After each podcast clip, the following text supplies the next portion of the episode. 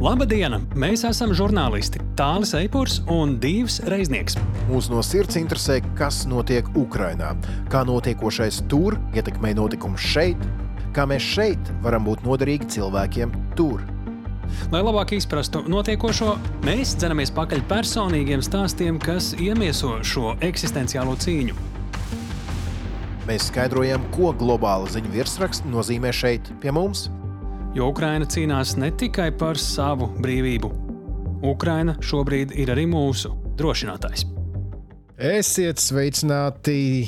Raidieraksts drošinātājs klausītāji, es sveicināts arī raidieraksts drošinātāji līdzvadītāji tāli. Es sveicināts uh, divreiznieku. Čau! Man tie līdzvadītāji, nu tā vienkārši vadītāji, viņi ir divi. Uh, bet uh, tā ir lirika salīdzinot ar to, kas pēdējās nedēļas laikā ir noticis Ukrajinā. Tas ir vienkārši kaut kas tāds, ka mēs joprojām nespēju. Es reāli sevi šobrīd nu, pajautāju, kā es jūtos. Es par to visu es nespēju noticēt, ka kaut kas tāds tiešām ir noticis. Tu ļoti labi zini, par ko ir runa. Nē, nu paskaidro, par ko tu runā. Kahovkas dāmas, aizsprosts, hidroelektrostacija, uzspridzināšana, mega plūdi, mega katastrofa, visdažādākā veidā, ekocīts, genocīds.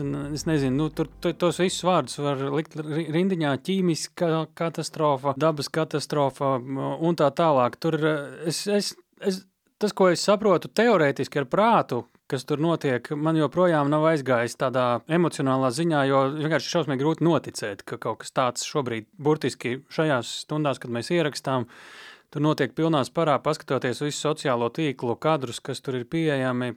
Tas ir drausmas ar visiem kaķiem, suņiem, zivīm, cilvēkiem, protams. Šī, diemžēl, ir nu, lielākā nelaime vai viena no lielākajām, pavisam noteikti jauns uh, zīmols, ko pieminēt Ukrainas kara laikā, kurš neaizmirsīsies, es domāju, vispār nekad, nekādā veidā. Černobiļa divi pat varbūt, uh, es nezinu, vai nav par maz teikts. Nu, es katrā ziņā varu piekrist visam, ko tu teici. Skaidrs, ka vēl, vēl ir daudz kas jānoskaidro, kas tieši notika, kā tieši notika, kādā secībā.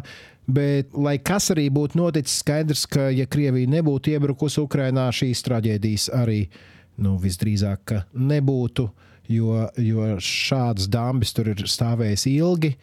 Un, nu, jā. Tagad tā vairs nav. Interesants fakts no vēstures, lai arī mēs šobrīd nezinām, vai konkrēti krievi ir uzspridzinājuši dambi vai vienkārši nav uzturējuši nepieciešamās apkopes un tam līdzīgi.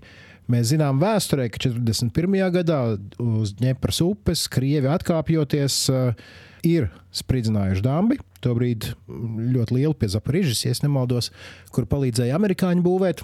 Tā kā šāda vēsture ir, tas it kā nav nekāds pārsteigums. No otras puses, protams, kā tu saki, šī ir viena no lielākajām cilvēku izraisītajām dabas katastrofām ilgā, ilgā vēsturē un tās sekas būs ilgas, ilgas. Tu pieminēji gan cilvēkus, gan zvērus, un tā tālāk. Es pieminēšu, ka apludinot krastus, tie kara draudi kļūst izkaisītāki, un, piemēram, minēti lauki arī tiek apludināti, un līdz ar to ūdeni tiek aizpludināts arī mīnas kuras iespējams katapsies kaut kur, radot briesmas civiliem un, un, un ne tikai. Kāpēc es pieminēju par mīnām? Tāpēc, ka mēs šajā raidījumā runāsim par mīnēšanu, par atmīnēšanu. Tālis uh, ilgāku laiku dzina pēdas kādam uh, īpašam speciālistam Ukrajinā par šo tēmu, un, nu, beidzot, tavi meklējumi ir vainagojušies panākumiem. Kaut ko pastāstīs tālāk īsi, īsi par mūsu šīs dienas galveno viesi. Jā, mūsu šīsdienas galvenais viesis, ar kuru dzirdēsiet sarunu pēc eh, kāda brītiņa, ir eh, Ukrainas sapiera asociācijas vadītājs eh, Timurs Pistrūha. Un, jā, mans mērķis bija pieiet tuvāk šai mīnu problēmai, jo daudzi jau ir redzējuši kartes, kur Ukrainas austrumu puse ir kā nosēta ar mīnu un bīstamības vietām, un es gribēju saprast kaut ko tuvāk, un tā arī beigās sanāca, ka es tikai nedaudz pietuvojoši šai problēmai. Pat tad, ja šīs sarunas laikā jūs dzirdēsiet ļoti daudz ko tādu, kas parāda tās mērogu, kļūst arī skaidrs, ka tas mērogs, par ko tur runāt, ko tur risināt, cik traģiski tas viss ir, ir vēl daudz, daudz, daudz, daudz, daudz vairāk. Tā kā varbūt nedaudz jā, tāda salikšana pa plauktiņiem, pirmie soļi e, pretmīnu pasākumos Ukrainā. Tā varētu nosaukt to interviju apmēram. Šī intervija jau pēc brīža, bet sāksim mēs ar pieslēgšanos Vašingtonai pie mūsu nemainīgās ekspertas Kristīnas Bērziņas un ar e, viņu mēs pārunāsim trīs uh, citas ziņu tēmas, kas ir bijušas aktuālas aizgājušajā nedēļā. Runāsim par to, kā un vai vispār šobrīd, kara laikā, ir jārunā par Ukrainas potenciālo pievienošanos NATO. Tāpat mēs arī apspriedīsim viens ļoti interesants Francijas prezidenta Makrona izteikums, kuros viņš tā ļoti smalki iedūra mugurā savam priekšgājējam, prezidentam Širakam, kurš savulaik nedaudz aizvainoja austrumēropiešus. Un sāksim gan mēs par tēmu, kas aktuāli tepat mūsu Latvijā. Proti, mums ir ievēlēts jauns prezidents Edgars Falks, un par šo notikumu atskaņām pasaulē un nozīmību Latvijai tuvākajās minūtēs. Nu, tad jāsaka tā, sveika, Kristīna! Sveika, Kristīna! Sveiki, sveiki! Klau, pagājušajā nedēļā mēs runājām par to, kādas polijas iekšpolitiskās peripētīs notiek uh, Ukrainas kara aizsegā. Nu, arī pie mums ir liela izmaiņa kopš pagājušās nedēļas, kad ar tevi runājām, notikusi. Latvijā ir jauns prezidents ievēlēts, nav vēl stājies amatā, bet drīz. Tas ir Edgars Falks. Eiropā, un es nezinu, kā ir Amerikā, tu man tūlīt to pastāstīsi, šķiet ar ļoti labu reputāciju. Kā no tavas puses izskatās uh, Rinkēviča ievēlēšana, un it sevišķi, ja mēs paturam uh, prātā karu Ukrainā un Latvijas ievērojumu atbalstu Ukraiņiem? Arī no Vašingtonas ir eh, ļoti pozitīvs atsauksmes par to, ka eh, Edgars Rinkevičs tika ievēlēts par prezidentu, tāpēc, ka daudzajos gados ārlietu ministra amatā Rinkevičs ir uzturējis ļoti labas attiecības ar ASV, uzticams, paredzams, eh, un īpaši arī tagad kara laikā. Ja mēs tagad skatīsimies kā būs uz priekšu, tad ir skaidrs, ka sabiedrotie, tā skaitā arī ASV, zina, ko sagaidīt. Un tad būs stabilas un sekmīgas arī attiecības starp Latviju un lielāko sabiedroto ASV. Protams, arī jāskatās, ne tikai uz to, kas notiek Latvijā vien, bet, ja mēs pirms nedēļas runājām par to, ka skaties, kā Polijā izmanto uh, Ukraiņas kara aizsegu, lai ierobežotu demokrātiskās tiesības un, un cilvēku tiesības, tad izskatās no malas, ka Latvijā notiek tieši pretējais ka jā, ir milzīgs atbalsts Ukrainai, ka Latvija ir sakarīga valsts, laba sabiedrotā valsts, un vēl paskaties arī attiecībā uz cilvēktiesībām, jo tas, kā šo jautājumu arī ceļ, īpaši Vašingtonā, Latvija rāda priekšzīmi, ka notiek labas lietas, ka nav tāda bažas, ka, nu, labi, mums jāatbalsta valsti tādēļ, ka Ukrainai palīdz. Šeit tad ir nepārprotams sakarīgs jauns prezidents un vēl uh, attiecībā uz vērtībām arī ļoti sapas. Vēl viena interesanta lieta, kurā ir iesaistīts arī prezidents. Protams, šajā gadījumā gribēju runāt par Francijas prezidenta izteikumiem nesen Bratislavā Slovākijā notikušā drošības konferencē, kurai bija pievērsta gan liela uzmanība, un viņš teica sekojošus vārdus. Mēs neesam pietiekami jūsos ieklausījušies un jūsu aicinājumos um, ņemt vērā jūsu vēsturi un uh, sāpīgās atmiņas. Tāpat um, Francijas prezidents Makrons izteica pavisam interesantu frāzi, uh, atsaucoties uz uh, vienu citu frāzi, ko teica 2003. gadā viņa priekštecis Francijas prezidenta amatā Žaks Širaks, kurš uh, toreiz uh, teica uh, austrumēropiešiem, jūs esat palaiduši garām iespēju paklusēt, ka šī jau tā frāze ir folklorizējusies. Tad šoreiz um, nu, esošais Francijas prezidents Emmanuels Makrons sacīja, Daži ir teikuši, ka jūs esat palaiduši garām iespēju paklusēt. Es saku, ka dažbrīd mēs esam palaiduši iespēju ieklausīties jūsos. Šis laiks ir beidzies. Gana spēcīgi vārdi, bet tāpat laikā no Francijas prezidenta Makrona mēs dzirdējām arī tādas piesardzīgākas frāzes attiecībā pret karu Ukrajinā, attiecībā pret uh, ieroču piegādēm un kaut kādu iespējamo bruņošanās uh, sacensību, kā viņš minēja. Kā tu visu šo tulko? Tas izklausās skaisti, bet vai Francija šodien tik tiešām uzvedās Ukraiņas interesēs, Eiropas interesēs? Nu, vairāk nekā toreiz. Tomēr Francija arī atbalsta ar ieroču sistēmām un diplomātiski Ukrainu. Nav vairāk tā runa, ka prezidents Makrons tagad regulāri runātos ar prezidentu Putinu. Nē, tie laiki nav. Bet vai pavisam ir mainījusies Parīze, Elizejas? Nē, tāpēc, ka pirmā vietā Francijai ir Francija, un prezidentam Makronam ir tieši Francijas intereses. Un, ja runa par NATO stiprināšanu, tad tas nav viennozīmīgi. Tādēļ, ka Francija cenšas likt uzsvaru tām e, organizācijām vai tiem fórumiem, kur Francijai ir lielākā teikšana un ietekme. Un NATO ir liela ietekme visām sabiedrotajām valstīm, bet Lielbritānijai, ASV ir īpaši arī liela teikšana.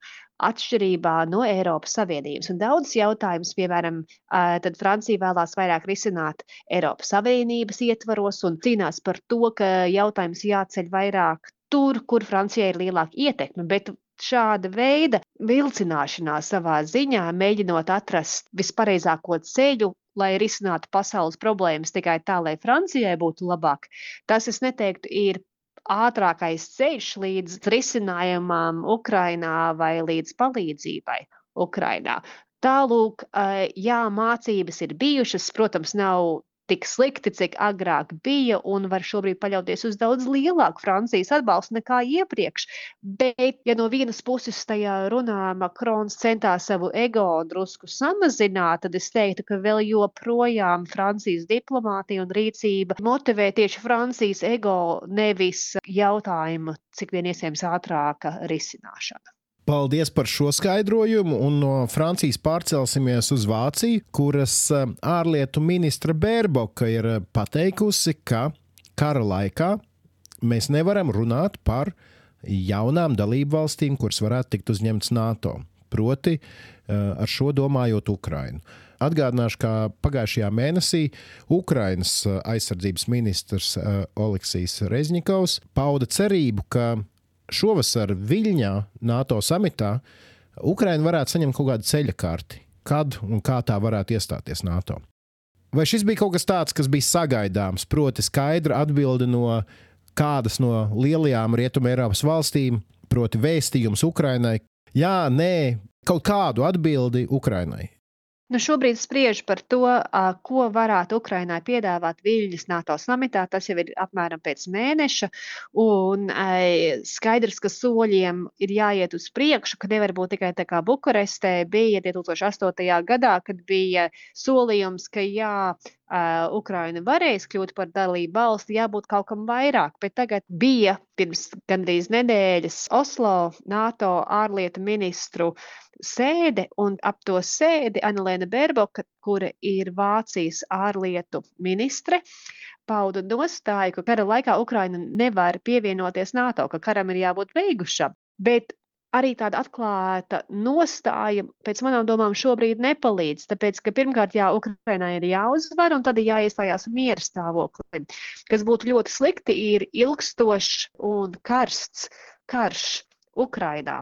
Bet, ja rietumvalstis tagad pasaka atklāti, ka miera stāvoklis ir nepieciešams, lai Ukrainu ieņemtu NATO, tad tā būs motivācija Krievijai turpināt jebkā ar jebko kara stāvokli, lai de facto nav miers, un vēl nerunāsim par to, ka pie galda varētu noslēgt arī juridiski mieru. Tātad es teiktu, ka šīs sarunas un šī atklātā diskusija par to, ka miers ir nepieciešams, lai paplašinātu NATO, tikai veicina Krievijas pusē apetīti turpināt karu un turpināt vai pat iesākt kaut ko citās valstīs. Tāpēc, ka ja ilgstošs konflikta stāvoklis nozīmē to, ka NATO paliks pašreizējās NATO robežās, tad tas savā ziņā Kremlim varētu likties kā burvīgs iznākums no šī visa. Un man liekas, ka tad eh, Vācijai un citām valstīm ir tiešām jāpadomā, Ko tas nozīmē, ka pauž tādu nostāju, un vai nevajadzētu būt ceļam, kā Ukraina var pietuvieties faktiski un arī uh, uz papīra, uh, juridiskos dokumentos, lai nedotu iespēju Krievijai tagad nākošos 20 gadus veicināt kaut kādu karu un atlikt to jautājumu, vai Ukraina var vai nevar būt NATO. Bet, ja Kristīna Bērziņa būtu Kristīne Birke, un būtu Vācijas ārlietu ministri, nu, ko, ko tu teiktu? Nu, kaut kas jau viņiem ir jāsaka. Ja padomāsim atkal par augsto kara laiku, kad bija dalīta pat Vācija, bet Rietumvācija bija NATO valsts. Man liekas, tik konkrēti pateikt, ka kara laikā nevar tas nepalīdz, jo tas nedod iespēju radošāk un vai kaut kā nu, interesantāk risināt to jautājumu. Nu, jā, bet nu, nevar viņi arī teikt, ka jā, mēs jūs aicināsim uh, septembrī. Nu, tad varbūt tagad pirms viņas neko skaļa vispār nebūtu bijis jāsaka. Nu, re. Bet, starp citu, ko Ukrāņi varētu sagaidīt no Viļņas uh, NATO samita? Šobrīd iedomāsimies, ka tu vairs neesi Vācijas ārlietu ministrs. Tu esi politologs un eksperts, kurš var brīvi runāt. Šobrīd notiek ļoti liels diskusijas par šo jautājumu, vai varētu vairāk kaut ko piedāvāt, un kas ir ceļš, kāda varētu izskatīties aktīvāka, nopietnāka sadarbība. Bet tas šobrīd nu, nepavisam nav vēl atrisināts. Tur mums tiešām būs jāgaida jūlija. Fantastisks raidījums līdz šim. Tā tas būs arī turpmāk. Paldies, tev, Kristīne! Paldies!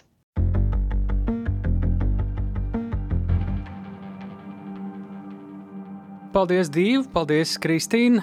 Ukraina un NATO. Man jau liekas, ka tas vienā brīdī pāries tādā kā kaut kādā īpašajā Ukrainas un NATO sadarbībā. Tad, kad es teikšu tā, Krievija vairs neatstās variantus tā kā ir šobrīd, es domāju, nav iespējams īsti palikt tādu ilgu laiku. Tās attiecības, kādas šobrīd ir Ukraiņā ar NATO, un es domāju, tās oficiālās. Un, nu, viņas samitā tad jau nu redzēsim. Kristīna bija nu, pietiekami pikta par dažas labas rietumu amatpersonas izteikumiem. Tad redzēsim, kur tas viss aizvedīs. Es domāju, tāda viļņošanās līdz šim samitam vēl būs uz vienu, uz otru pusi vis visāda. Varbūt noslēdzam derības? Par ko? par to, kas viņas samitā notiks attiecībā pret Ukrajinu. Kādi varianti? Uh, nu, ceļa karte tiek viņiem dota, kaut kāda īpaša partnerība tiek nodrošināta, tiek uzņemta NATO, tiek paziņots, ka pilnīgi noteikti nebūs NATO nekad. Pēdējos divus es izslēdzu. Es domāju, būs kaut kāds diplomātisks žests par to, ka kaut kādā virzienā, kurš pēc tā NATO samita nu, tiks sākts gatavot, nevis jau reāli tūlīt jau kaut ko parakstīs un Ukrainai būs kaut kāds status pēc šī samita. Es domāju, drīzāk vienosies, kura statusa virzienā varētu iet. Nu, tā varētu būt. Zini, kā saka, kurš ir labs diplomāts, tas, kurš tev pasūta četras mājas tālāk, un tu vēl viņam pasaki lielu, lielu paldies. Man kaut kā liekas, ka šī versija varētu būt, bet uh, es ceru, ka es kļūdos. Kaut gan mēs nevaram teikt, ka šobrīd NATO un Ukrainai nav īpaša sadarbība. Ja mēs paskatāmies, cik daudz ieroču tiek piegādāti no NATO valstīm Ukrainai, bet, protams, tas, ko cer Ukraina, ir, protams, vēl krietni vairāk, krietni citādāk, un tas jau vairāk ir droši vien tas politiķa lēmums. Nu, es vēl arī redzu, ka šajā brīdī e, varbūt pat mazāk svarīgi, ko praktiski attiecībā uz kādu Ukraiņas statusu vai sadarbības ar formu nolemj e, attiecībā uz Ukraiņu un NATO, bet gan kādu signālu ar kaut kādu lēmumu sūta Krievijai, cik realistiski viņiem briest nepatikšanas no tā, kādas tad tās turpmākās Ukrainas attiecības ar NATO būs. Es domāju, ka tas varētu būt viens no mērķiem - padarīt to sajūtu, ka jāieroj astē kaut kur aizmugurē kaistarpē Krievijai, jau ir visnotaļ reāli. Lūk, tad tas būtu kaut kāds lēmums, par kuru es teiktu, jā, tā ir laba lieta. Plānojiet nu savu nākotni mazliet citādāk un ambīcijas tur tie austrumnieki. Tātad katrā ziņā daudz kas vēl var mainīties līdz 11. un 12. jūlijam, kad Viļņā notiks NATO samits. Tur noteikti tās visas ziņas ir jālasa ne tikai tas, kas ir rakstīts, bet jālasa starp rindām un aiz rindām. Tur eh, pa labi, pa kreisi varētu tikt eh, mājieni doti. Atliek spēt viņus tikai izlasīt un eh, pareizi iztulkot. Tieši tāpēc mēs tajā laikā būsim atvaļinājumā un to nekādā veidā nepalīdzēsim jums darīt. Ļoti iespējams, ka tieši tā arī būs, bet uh, mēs gatavojamies, protams, neatkarīgi no tā, kā virzīsies kara darbība, kurš kuram būs uz papīra partneris un kurš kuram reāli sūtīs ieroči, ir pilnīgi skaidrs, ka Ukrainai vajadzēs milzīgu starptautisku palīdzību kara seku novēršanā, un viena no tām lielajām lietām, ar ko būs jātiek galā, būs milzīgās teritorijas, kuras ir mīnētas un kuras ir piedrazotas ar visādu sprāgušu vai pussprāgušu munīciju. Tās būs vienkārši drausmīgi milzīgs darbs, un te NATO vai ne NATO, te visiem būs jānāk tālāk, ja viņi negrib, lai teikt, paši turisti kaut vai Ukrainā ņem un sprākstus katra stūra uz mīnām un līdzīgām lietām. Jā, šis ir darbs, kuram galu un malu redzēt grūti. Es domāju, ka ir laiks klausīties no vīra, kurš par šo tēmu zina daudz vairāk nekā jebkurš cits Ukrainā. Un šajā sarunā ar Ukraiņas sapieru asociācijas vadītāju Timuru Pistrjuhu mēs uzzināsim, cik bīstami var būt atgriezties mājās Ukraiņiem, kuri ir atgriežušies tajās atbrīvotajās teritorijās, pat eh, krietnu laiku pēc atbrīvošanas. Uzzināsim arī, ko tad sapieri redz, kā Krievi ir minējuši Ukrainu līdz šim, kādas tās metodes bijušas, cik nekrietnas patiesībā, eh, un iepazīsimies, eh, kā tad vispār notiek tā visa procedūra no brīža, kad ir uzieta kāda nedroša teritorija, līdz brīdim, kad ir tā padarīta jau par drošu. Un tad Ukraiņas sapieru asociācijas vadītājs Timurs Pistrūks mums to izstāstīs. Šī intervija būs angļu valodā, un kā šādos gadījumos mēs jums parasti sakām, jūsu pusē ir izvēle, kā klausīties, vai klausīties interviju oriģinālā valodā, tātad angļu valodā, vai ar latviešu valodas tulkojumu. Jums atliek tikai izvēlēties vienu no diviem šī podkāsta epizodes ierakstiem, un jūs jau nosaukumā redzēsiet, vai redzat to, kādā valodā ir intervija. Nu ko, klausāmies!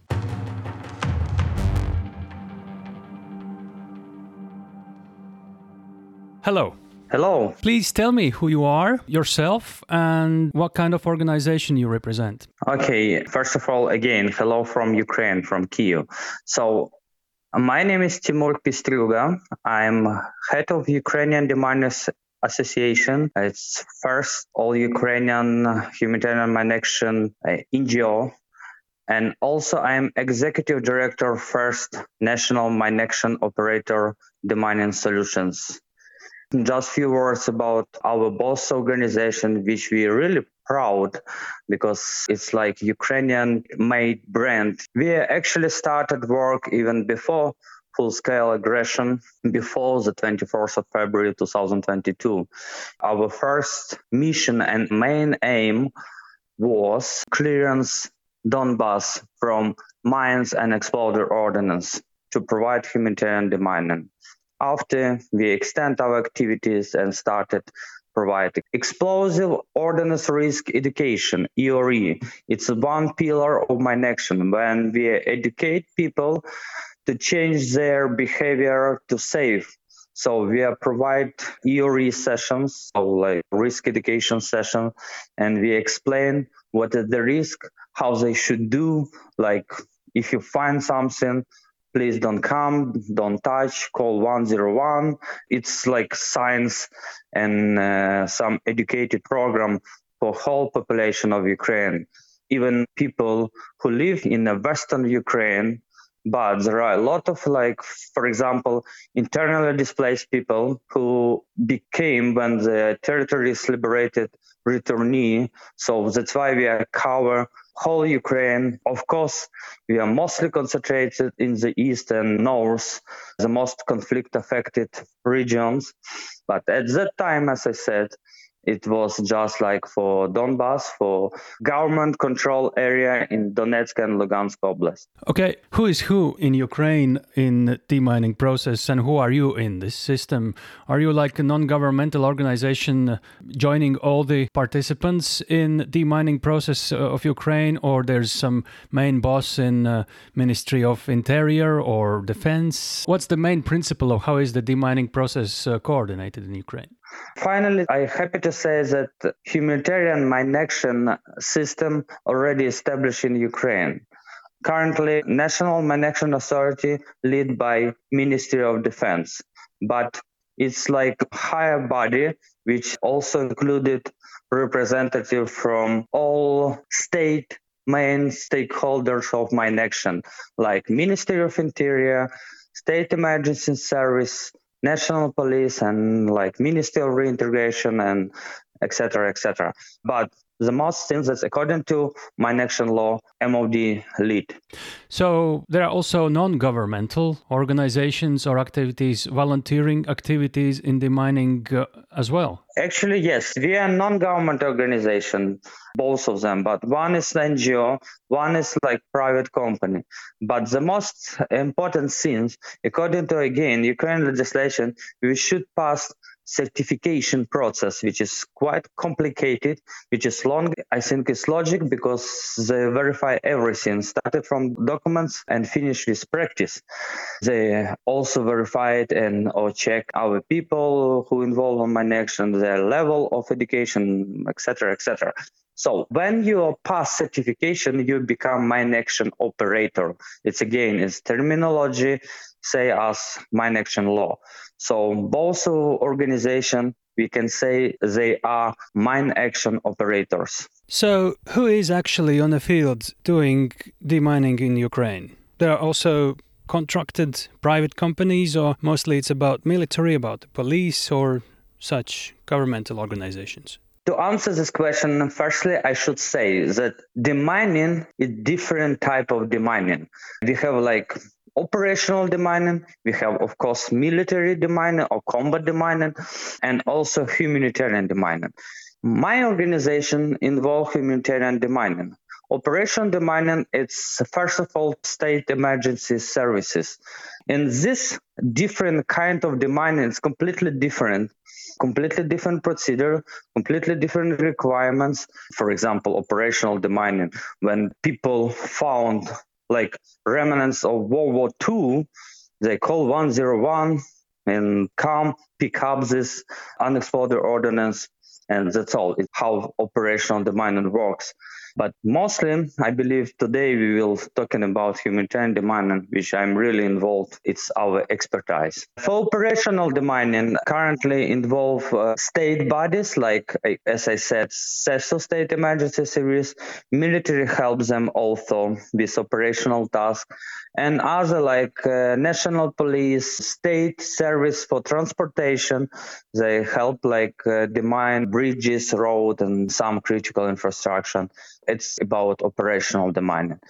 Humanitarian demining before full-scale aggression were involved four mine action operator, three international NGO, Halatras, Danish Refugee Council, and Swiss Foundation for Mine Action, and also us. UDA, Ukrainian Demining Association, with implementing partner Demining Solutions. So four of them both.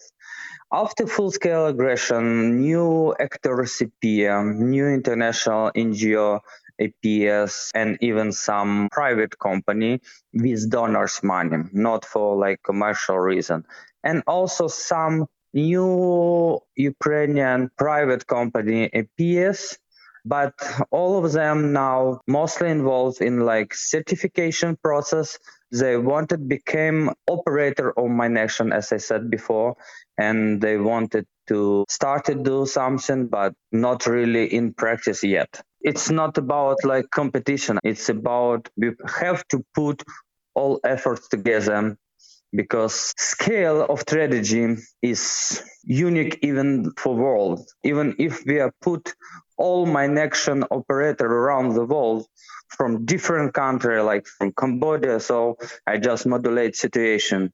It's still enough work to do them. So that was my actually next question. Can you describe the situation? I always draw attention that even before the full scale aggression ukraine was in the top five countries with mine action problem. For example, for some data, some crucial statistic like victim from unexploded ordnance and mines, I'm not talking about for all, all conflict, just concentrated on this. We are was in the fourth position after Afghanistan, Mali, and Yemen.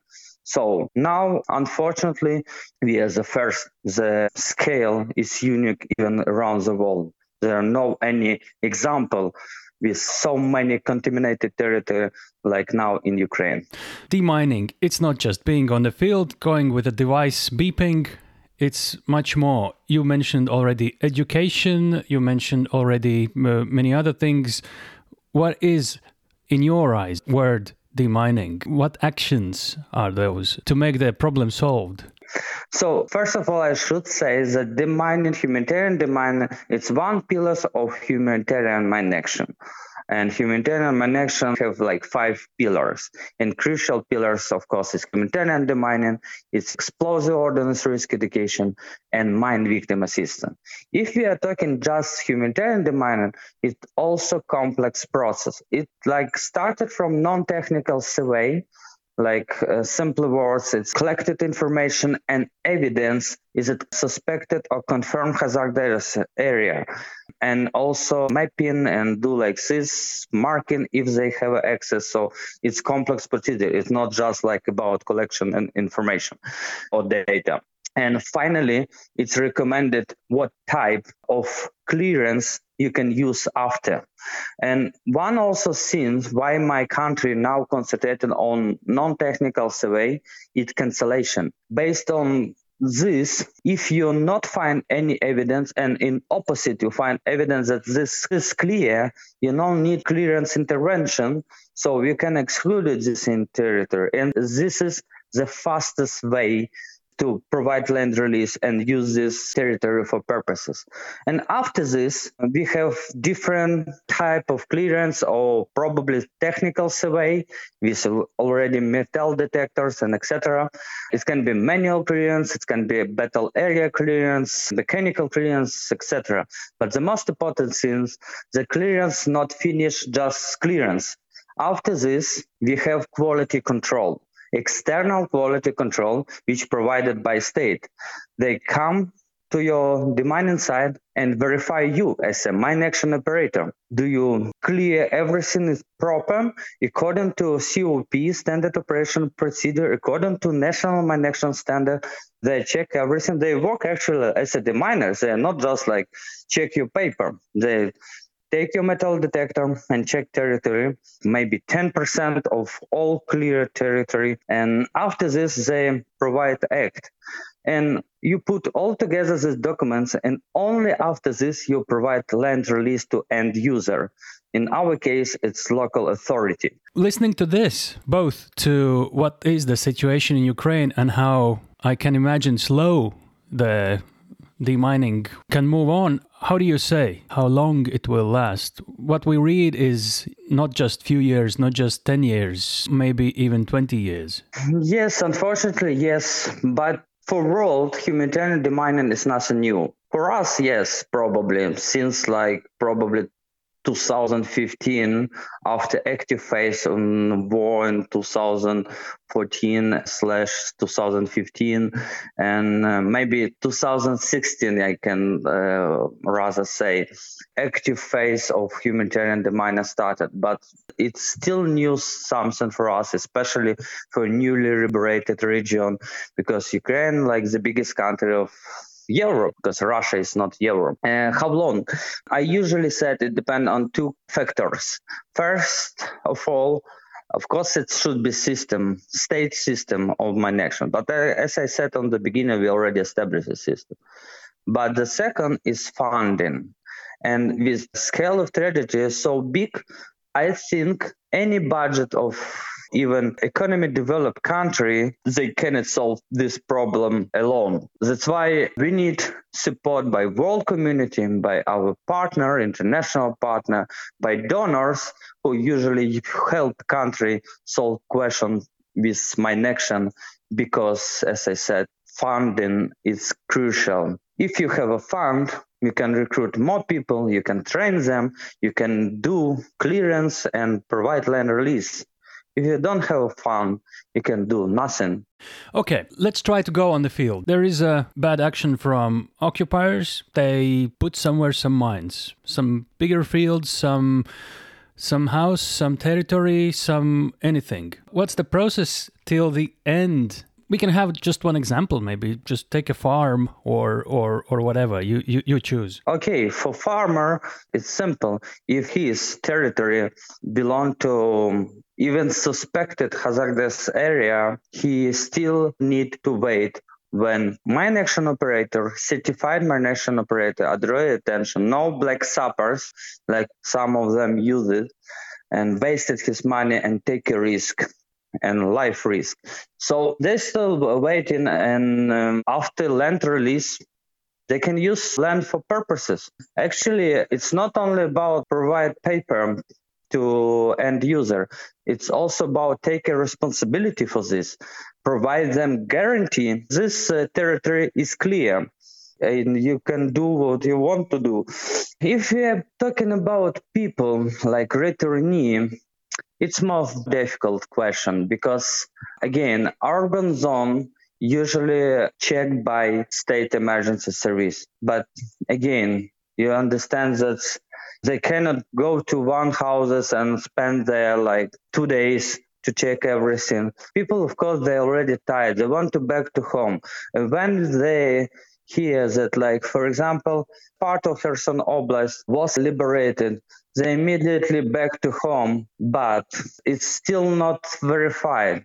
I'm not talking about forest. Forests even not started verified because mm, we are mostly now put our efforts to critical infrastructure and agriculture field. But people they like to go, for example, in October, especially in October to to forests and pick up some mushrooms, some, some berries, and unfortunately it happened. And we have now a lot, a lot of incidents where now first also with mine victims due to this reason. In Latvia, we hear victims of rockets, of drones, of uh, shelling. We don't hear too much about victims of mines in uh, humanitarian territories which are already liberated. How often in your work you hear those news? Is it everyday case in a big country as Ukraine? Uh, the problem is uh, you can uh, search the internet and find some even like official statistic provided Ministry of Reintegration or UN, I think, human rights.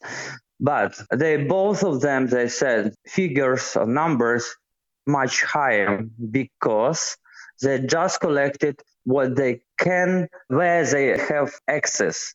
And in combat zone, where obviously the most incident and more contaminated area, they cannot. Also, we should also talking about temporary occupied territory. We don't have information about this. They just collected if it's some appear in the internet. But so many incidents happened, and as I said, they don't have access. But even what they provided, we are still like top country with mine victims, unfortunately. Can you give just some kind of impression how big is the problem? Is that really everyday people step on the mines, get injured or die because of them? I mean, uh, in liberated territories, free territories. I cannot say that it's like every day because uh, again it depends on what appear in the internet but sometimes even every day i can see like kherson oblast kharkiv oblast and other region but what it's also what I want to draw your attention, like Kiev Oblast was liberated at the beginning of April 2022. The more than year passed already, but we still have mine incident, a draw attention mine incident in the Kiev Oblast. And one also since which impact on this we also should understand this procedure that we are talking not only about mine we also should talking about unexploded ordnance and what russian did. So they use sometimes even it was in donbass expired ammunition which is not exploded and they go to soil but it's very dangerous even for the miners, even for sappers to demand this because you understand. And sometimes, um, like cluster munition, it's very dangerous for people, civilian people. According to procedure, you should dispose it on the side. You cannot move it according to procedure, and people can be unfortunately injured by this or killed. How would you characterize the speed. Russians, how short time they needed to put mines on uh, certain territories, how systematic it was, what was the strategy, what do you see now after the territories are liberated? What was their approach? I think it's the worst sinus because we all understand what is mining, what is purpose of mining. It's protect your position, of course, military position. If you even like invade on some territory, you of course stop you put your position and protect you put like engineer fortification which is like also mine. It's how it should be according to manual battle manuals i think around the world for whole country it's for any army. What russia did and unfortunately continue do it they use like predominantly terroristic method. I don't know why. Is it like some psychological impact or other reason, but it's not my subject to investigate this. But in effect, they use like terrorist method. They put it everything. They mine. If you even have a few seconds, they can mine like bodies, even their brother, like who was died they can put something in his documents and they mine everything. They mine like houses. I think everyone uh, saw Bucha and Borodyanka, Irpin, what happened in the, this city. And what we are now see in uh, Kherson and Kharkiv Oblast, the situation is it's more than complicated. Is this like when they come in, they have already boxes and boxes of mines and they put it everywhere? Or they put it when they leave? There are no any like systematic. This is a problem. If it was systematic, to us it was easy to define. It's like chaotic. I can say that military who has grenade and tire can make a booby trap for like few minutes. You know, you don't need like too much time if you have a like RPG five and uh, tire. So that's all. Sometimes they have time and they put something, invent something. So they use like some military mine like TM62. By means of this mine, they made like improvised explosive devices. For example, they put inside of TM62 some anti-personnel mine and also they put something on the TM62. So it's very difficult to demine. That's why, unfortunately, we have a lot of also incident when our sappers died and or injured during clearance procedure, especially during operational or military demining. Of course, we understand that this is a very dangerous thing to do, being sapper. How dangerous it is now in Ukraine in Ukraine the most complicated situation around the world. Probably the most complicated situation in Kherson Oblast and Kharkiv Oblast. but we still have a problem and there's still a lot of work to do in Kiev Oblast, Chernigiv Oblast, Sumy Oblast, and uh, other liberated regions and also region which is under shelling because when like frontline move and we have buffer zone for safety we go and also at least raises uh, territory. So how is dangerous? Of course, it's maybe the most complicated place around the world because you can find everything. Started from like anti-personal mine. I think everyone knows that Russia is not signature Ottawa Convention who ban anti-personnel mine because first of all, it's threat for civilian population. Even Ukraine signed Ottawa Convention, but Russia not. And they not only use it, they develop this direction. They create new like POM3 medallion which is just appear in their like ex- military exhibition army 2019 and it's already in ukraine. And you can find here everything new old you can find improvised explosive devices you can find booby traps and also unexploded ordnance different ammunition. This characterizes how dangerous it is to be sapper because you can have anything on every of your step. And the mask very smart. So it's sometimes difficult. Even, you know, according to procedure, road, it's one of the safest place if it's asphalt road. But what they do, they cut some part of asphalt, put like TM62, and after this mask by this part of asphalt, and you can see any like difference when you move by civilian car unfortunately a lot of car already explode and people died or injured. What are the most let's say evil unhuman in a bad way creative ways or couple of examples russians do and leave behind them where people live so so many and most of them are unhuman. You can search the internet and find. Unfortunately it's it's our reality yeah. What about people? You already mentioned something about going to pick up mushrooms and berries and trying to get back at their homes. What's the attitude of people? How disciplined are they? Do they really follow the law? How should they act? Uh, what's the situation? I think uh, everyone now around the world know that Ukrainian brave people. It's good if you're a fighter, good in for combat action, but it's not good for mine action because eh, your fear protect you, you know. And this is for us the, the biggest problem because when it's people brave, you know, oh, okay, for me it's better use this shortest way. Why I should go around. Yes, but you see, this is a sign, mine danger. Yeah, I will be careful, but I don't have a time, you know. So this is actually also our job what we do. So that's why we are provided explosives ordnance risk education to change their behavior. But what we can see now, we now see a lot of understanding people. We can see this how people really want to see us with our EORI sessions. Say, oh, go there, go there, go there. So even now, um, I have 27 mobile teams who provide EORI session. But Ukraine, big country, it's not enough. So my answer is people started to understand, but to change safe behavior, we still need to put a lot of efforts.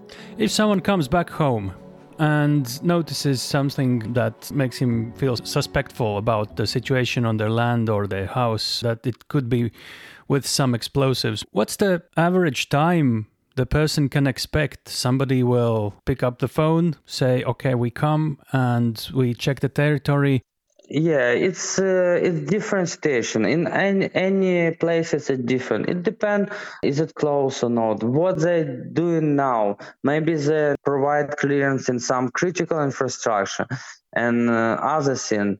What they must do they should listen in local authority. For example some mayor of some city they like put like in different telegram channel in the official and official so in news channel that please it's so early to back home. We still need to check something.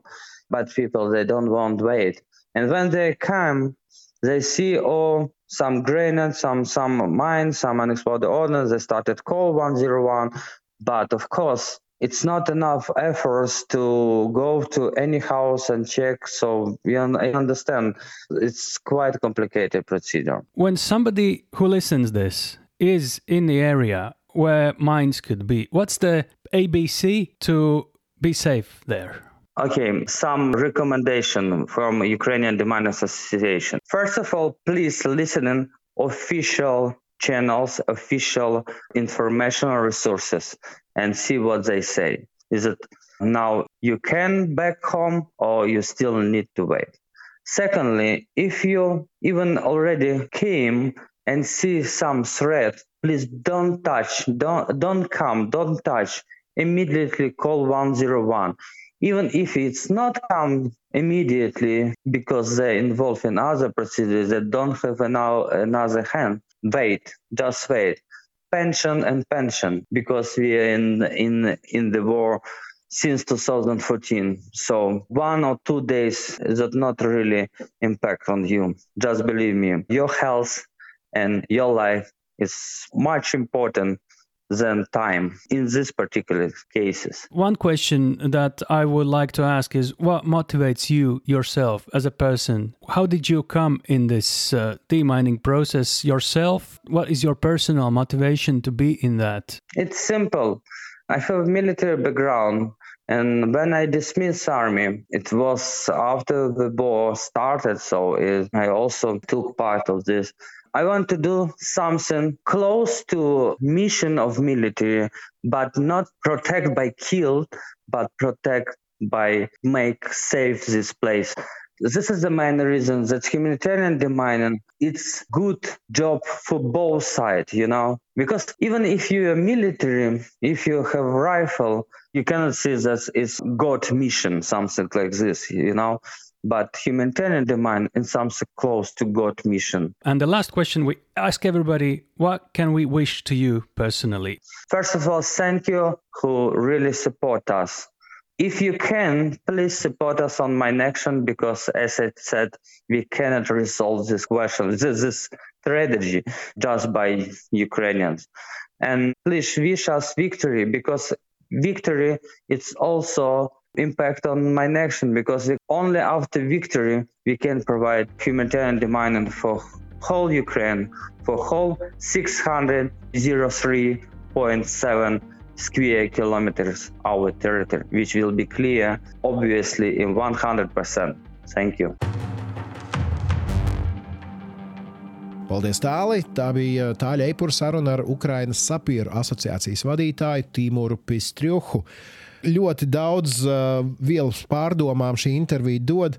Īpaši man atmiņā paliek šis viņa sacītais par drosmi, ka, ja kara laukā tā drosme dod spēju cīnīties tā kā neviens, tad ejot pēc sēnēm, šī drosme var parādīt sevi no tās sliktākās puses, proti, cilvēks neapzinās tās uh, briesmas un var zaudēt dzīvību vai sevi savainot.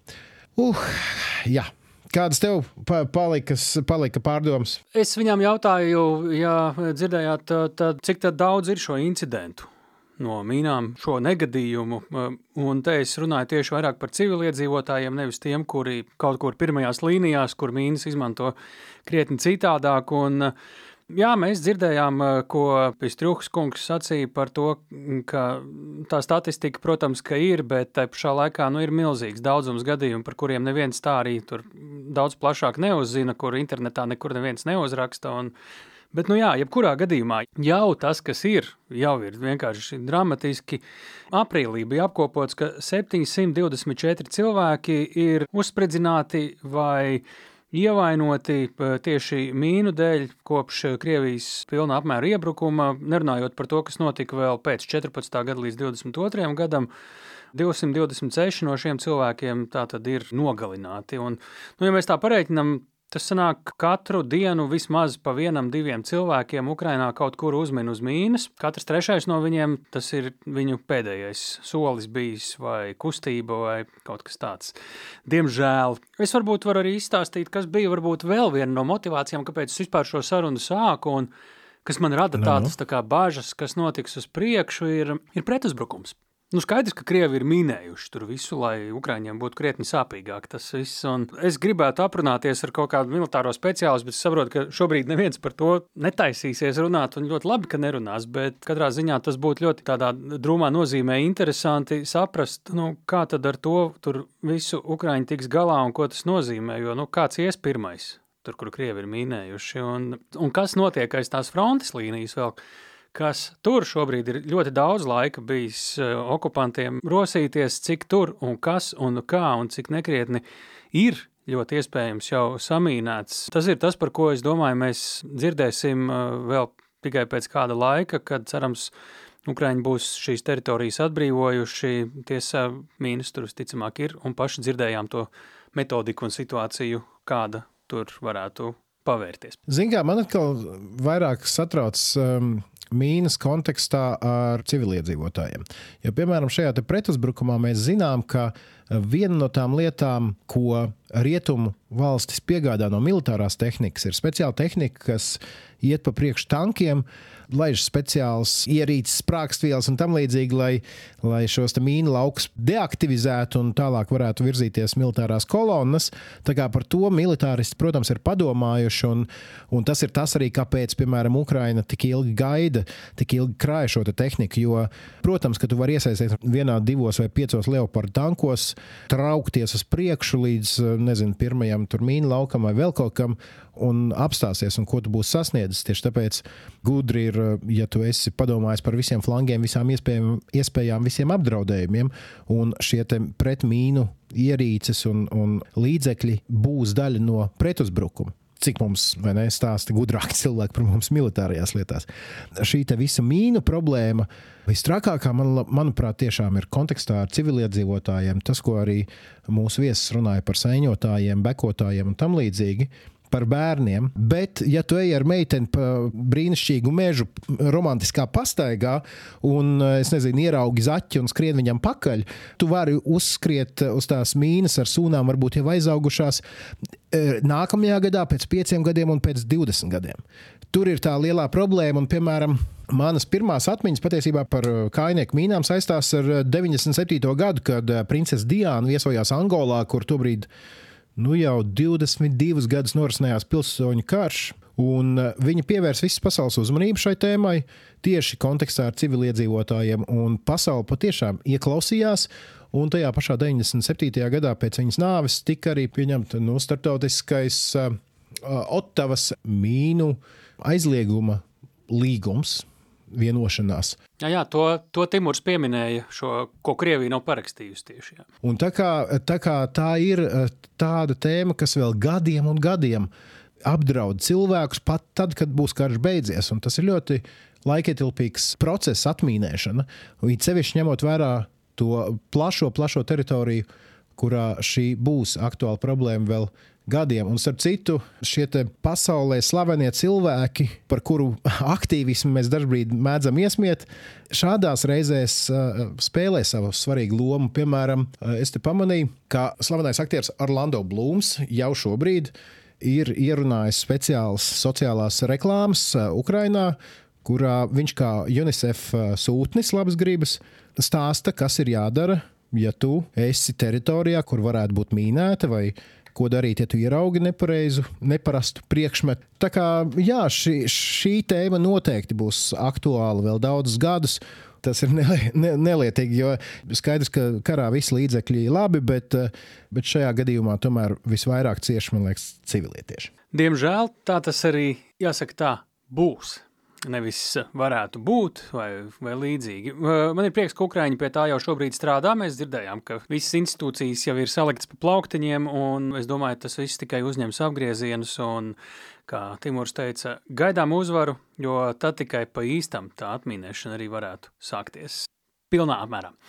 Nu, ko, šī epizode raidierakstā drošinātājs līdz ar to ir galā. Mēs ļoti sirsnīgi aicinām jūs tvert pēc e-pasta drosinātājs at Latvijas radio.clv.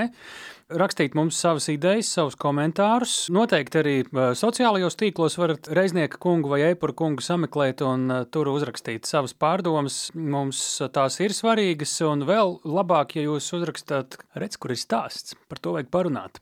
Tā ir lieta, ko mēs īpaši gaidām. Un, protams, visi tie ķeksīši, kas ir ar ikšķīšu uz augšu sirsniņas, vai arī dalīšanās vienkārši sociālos. Tas, protams, ka šo saturu, svarīgu saturu, kas uh, izskan mūsu lielajās intervijās, ko Kristīna stāsta, varat arī daudz ražīgāku padarīt aiz, aizkļūšanā līdz citām ausīm. Vēl. Labi, jebkurā gadījumā beidzam šo raidierakstu drošinātājs 36. epizodi. Sakām jums mierīgu nākamo nedēļu, gaidām labas ziņas no Ukrainas. Bet eh, nesatraucamies, ja tās nedzirdam. Jo mēs eh, zinām to, ka Ukrainas eh, militāristi ir aicinājuši visus klusēt, neko neteikt, lai tad, kad pārsteigumi būs, lai tie patiešām būtu pārsteigumi, un mēs, protams, ceram, ka tie būs labi pārsteigumi. Jā, mēs ļoti labprāt to viņu izplatīto, visai iespaidīgo klipiņu nospēlētu, bet tur ir klusums. Mēs nevaram audio versiju. Um, mēs sakām, ka līdz nākamajai reizei uh, ceram, ka mēs jau varēsim kaut kad neklusēt par to visu. Sakām uz redzēšanos pēc nedēļas, vai arī, ja jūs klausāties mūsu ierakstā, uz sadzirdēšanos pēc minūtes. Visu labu un atcerieties! Drošinātājs tas ir skaidri un personīgi par karu Ukrainā.